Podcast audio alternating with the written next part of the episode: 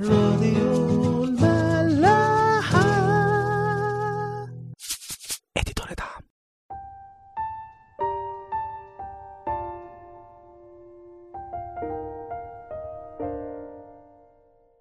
مساء الخير واهلا بيكم في حلقة جديدة من عيش وملح. كنا بنتكلم آخر حلقة على أول قاضي لشعب إسرائيل اللي هو عسنائيل بن قناز اللي ربنا بعته عشان ينقذ الشعب ويحرره من كوشان ملك أرام. سر نصرة عسنائيل وسر اختيار ربنا ليه من الأول إنه كان مليان بروح ربنا وروح ربنا هو اللي خلاه يغلب كوشان ملك أرام. النهاردة هنتكلم عن تاني قاضي جاي يخلص الشعب وهو أهود بن جيرة من سبط بنيامين. شعب إسرائيل بعد موت عسنائيل رجعوا للشر بتاعهم. فالشيطان طبعا انتهز الفرصة إنهم من غير مخلص وابتدى يحاربهم تاني. عجلون ملك مؤاب ابتدى يقف ضد الشعب ويحاربه ويجمع معاه ناس تانية كمان اللي هم بني عمون وعماليق. بيروحوا يحاربوا كلهم شعب إسرائيل ويضربوا مدينة النخل ويمتلكوها. ويرجع شعب إسرائيل عبيد تاني. المرة دي لعجلون ملك مؤاب ويقعدوا عبيد لمدة 18 سنة. خلونا نفتكر مع بعض مدينة النخل دي. جبنا سيرتها إمتى قبل كده؟ مدينة النخل هي أريحة. اللي ربنا خلى شعب إسرائيل ينتصر عليها ويمتلكها بمعجزة. قال لهم لفوا حوالين السور كل يوم مرة لمدة ست أيام. وفي اليوم السابع لفوا سبع مرات. واهتفوا بالبوق في أسوار المدينة هتقع وتمتلكوها. وده فعلا اللي حصل. كمان اتكلمنا عليها لما ولاد حما موسى كانوا ساكنين فيها وسابوها. وراحوا يسكنوا في البرية مع شعب عماليق. اللي بيعبد آلهة تانية غير ربنا. يعني مش بس سابوا شعوب غريبة تسكن معاهم دول هم اللي راحوا برجليهم للخطية. وسكنوا في وسط شعوب تانية. فكان الطبيعي إن أرضهم تبقى معرضة لأي خطر لأنهم ما اهتموش بحمايتها وراحوا يعيشوا في حتة تانية مع شعوب وآلهة تانيين. لو اعتبرنا إن المدينة دي زي نفس كل واحد فينا هنشوف إن الشيطان ما يقدرش يقرب منها طول ما ربنا هو الإله الوحيد بتاعها. الإله اللي بيسود على كل أفكارنا ومشاعرنا وحواسنا. بس لو سيبنا المدينة دي مفتوحة ودخل فيها آلهة وأفكار ومشاعر مش تبع ربنا هيبقى سهل قوي على الشيطان إن هو يدخلها ويسيطر عليها لأنه لقى فيها مكان. الشيطان مستني أي فرصة أو ضعف يدخل منه لينا. في آية بتتعاد في سفر أيوب مرتين مرة في إصحاح واحد عدد سبعة ومرة تانية في الإصحاح التاني عدد اتنين. الآية بتقول فقال الرب للشيطان من أين جئت؟ فأجاب الشيطان الرب وقال من الجولان في الأرض ومن التمشي فيها. يعني الشيطان ما وراهوش أي حاجة يعملها كل يوم ال 24 ساعة إلا إن هو يلف ويحوم حوالينا عشان يصطادنا ويوقعنا في الخطية ونبقى عبيد ليه. نرجع لسفر قضاء. بعد ما عجلون بيحارب ويمتلك مدينة النخل هو واللي معاه بيستعبد بني إسرائيل لمدة 18 سنة. لغاية ما يصرخوا لربنا تاني فيبعت لهم أهود بن جيرة يخلصهم. بنلاحظ إن أول مرة كوشان ملك أرام استعبدهم 8 سنين. المرة دي عجلون ملك مؤاب بيستعبدهم لمدة 18 سنة. بالوقت بعدنا عن ربنا بيضعفنا كل شوية وبيقوي الشيطان ضدنا. أول مرة الشعب كان عبيد 8 سنين. المرة دي فضلوا عبيد 18 سنة. أهم حاجة بتهم ربنا من أي تجربة بتعدي فيها هي خلاصك في الآخر وإن إيمانك يقوى ويثبت فيه أكتر. أي تجربة بتعدي بيها ربنا بيبقى عايز يعلمك حاجة منها. فحاول تتعلم وتلقط بسرعة اللي ربنا عايز يعلمهولك.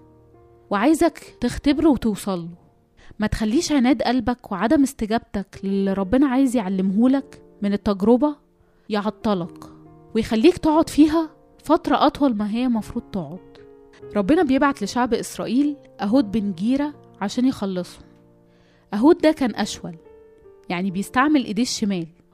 والشعب بعت معاه هدية كبيرة لعجلون.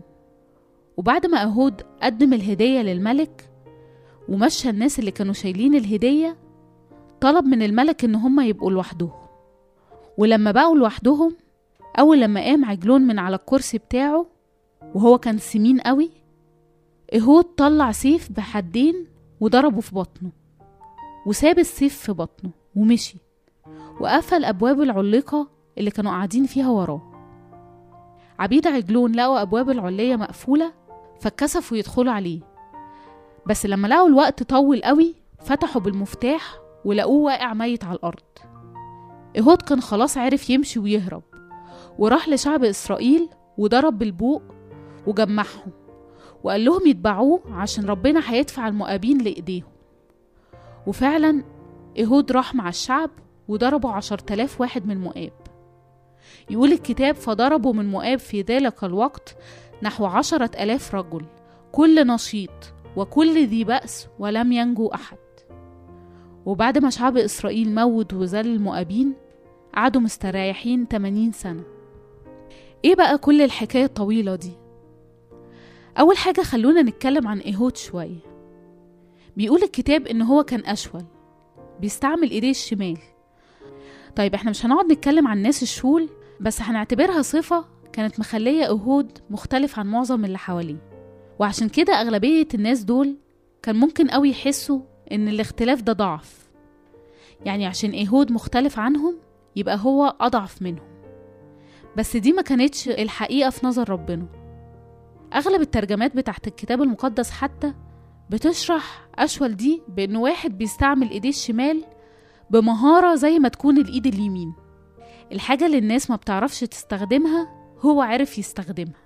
يعني الاختلاف بتاعه ده طلع حاجة كويسة في الآخر. في صمويل الأول إصحاح 16 لما صمويل راح يمسح ملك على إسرائيل من بيت يسا قعد يختار من ولاد يسا الطوال اللي شكلهم كويس. فربنا قال له لا تنظر إلى منظره وطول قامته لأني قد رفضته. يعني أنا مش فارق معايا مقاييس البشر إنه يبقى كويس وشكله قوي وطويل. ويكمل ويقول له لأنه ليس كما ينظر الإنسان لأن الإنسان ينظر إلى العينين. وأما الرب فإنه ينظر إلى القلب. وفعلا ربنا ساب كل إخوات داوود اللي شكلهم أحسن وأقوى منه واختار داوود لأنه كان على حسب قلبه. ربنا ما بيفرقش معاه لو فيك حاجة مختلفة أقل من الطبيعي. أو حتى شهزة في شكلك في كلامك شخصيتك تعليمك مستواك الثقافي أو الاجتماعي. لأن ربنا بينظر للقلب. ما بيبصش من بره زي باقي الناس. ومهما كنت مختلف انت برضو ليك رسالة ولازم تعملها. ما تخليش اختلافك ده يعطلك عن رسالتك. خليه بالعكس حافز يدفعك أكتر إنك تحقق رسالته في حياتك وحياة اللي حواليك زي إيهود بن جيرة. مش بس كده خلي كمان المسيح يتمجد في اختلافك ده وفي ضعفك لو أنت شايفه ضعف يعني. هنشوف في القضاء بعد شوية. آية بتتكلم عن ربنا وتقول عنه إنه بيخرج من الحاجة الوحشة والمرة حاجة حلوة وشهية. يقول إنه هو بيخرج من الآكل أكلا ومن الجافي حلاوة. خلونا نكمل قصة إهود. إهود بيروح لعجلون بهدية كبيرة وبعد ما يديله الهدية ويبقوا لوحدهم بيطلع سيفه ويدخله في بطن عجلون ويمشي ويسيبه ميت على الأرض. ويروح لشعب إسرائيل ياخدهم ويحاربوا المؤابين وينتصروا عليهم ويموتوا عشر تلاف واحد. الملك كان حاسس بأنه في أمان في العلية بتاعته. ولو اعتبرنا إهود مخلص اليهود رمز للمسيح مخلصنا هنلاقي إن هو راح للملك بهدية وقتله بعدها لما بقوا لوحدهم. يعني إيه الكلام ده؟ الشيطان خلى يهوذا يسلم المسيح. وفعلا المسيح اتجلد واتعذب واتهان واتصلب ومات. فالشيطان بكده افتكر إن اللي حصل له ده كان حاجة كويسة أكنها هدية ليه وبإنه هيستريح ويتخلص من المسيح بموته. بس الحقيقة إن المسيح بالصليب سحق الشيطان وانتصر عليه خلاه يفقد سلطانه على البشر. وبدل ما هو كان مؤيدهم بالخطية المسيح حرر الناس من خطاياهم وأيد الشيطان بدلهم. يهود بعدها راح مع باقي الشعب وقتل عشر تلاف واحد. نشيط ومن جبابرة البأس. يقول ما سابش منهم أي حد عشان ينجو. بعد ما المسيح غلب إبليس تماما وانتصر عليه في الصليب خلى شعبه اللي هو إحنا الكنيسة بروحه القدس جوانا نعمل نفس الحكاية وننتصر على إبليس وكل أعماله وكل خطية وشهوة تبعه. كمان بنشوف إن أهود عشان يقتل عجلون استعمل سيف ذو حدين. في عبرانيين 4 12 اتقال على كلام ربنا اللي هو الكتاب المقدس إن هو سيف ذو حدين. سيف لأن بيه بنقي قلوبنا ونقطع أي شر في حياتنا. زي ما الكتاب بيقول خبأت كلامك في قلبي لكي لا أخطئ إليك. كلام ربنا بيطهرنا من كل خطية جوانا زي ما إيهود قتل عجلون. والسيف ده كان ذو حدين. لأن أي حد بيتكلم بكلام الكتاب المقدس الكلام بيخبط فيه هو الأول قبل ما يخبط في الناس اللي بتسمع. كلمة ربنا بتشتغل في الخدام والرعاة اللي بيقولوها زي ما بتشتغل في الناس اللي بتسمعها. كمان زي ما إيهود كان معاه سيف وقتل عجلون المسيح بيقول ما جئت لألقي سلاما بل سيفا. يعني مفيش هزار في الموضوع. المسيح مادام موجود يبقى لازم كل شر وخطية ننزعها من حياتنا. ما ينفعش نفضل ماشيين في النص. في سفر ملوك أول إيليا بيقول للشعب حتى متى تعرجون بين الفرقتين؟ إن كان الرب هو الله فأتبعوه وإن كان البعل فأتبعوه. آخر الإصحاح بقى بيذكر قاضي تاني جه وخلص شعب إسرائيل. اسمه شمجر موت 600 راجل فلسطيني بمنساس البقر. منساس البقر ده عامل زي عصاية في طرفها حديدة حامية. الظاهر إن شمجر ده ملقاش أي آلة حرب قدامه يستخدمها إلا منساس البقر. حتى لو ما كنتش تملك أي مواهب أو أدوات تخدم بيها ربنا ربنا هيخليك تستخدم حاجة بسيطة قوي معاك عشان تحقق رسالته اللي بعتك ليها. والحاجة البسيطة دي ممكن يبقى ثمرها كبير قوي زي شمجر اللي قتل 600 راجل لوحده بمنساس البقر. لأن قوة ربنا في الضعف تكمل نشوفكم بكرة. راديو ملاح.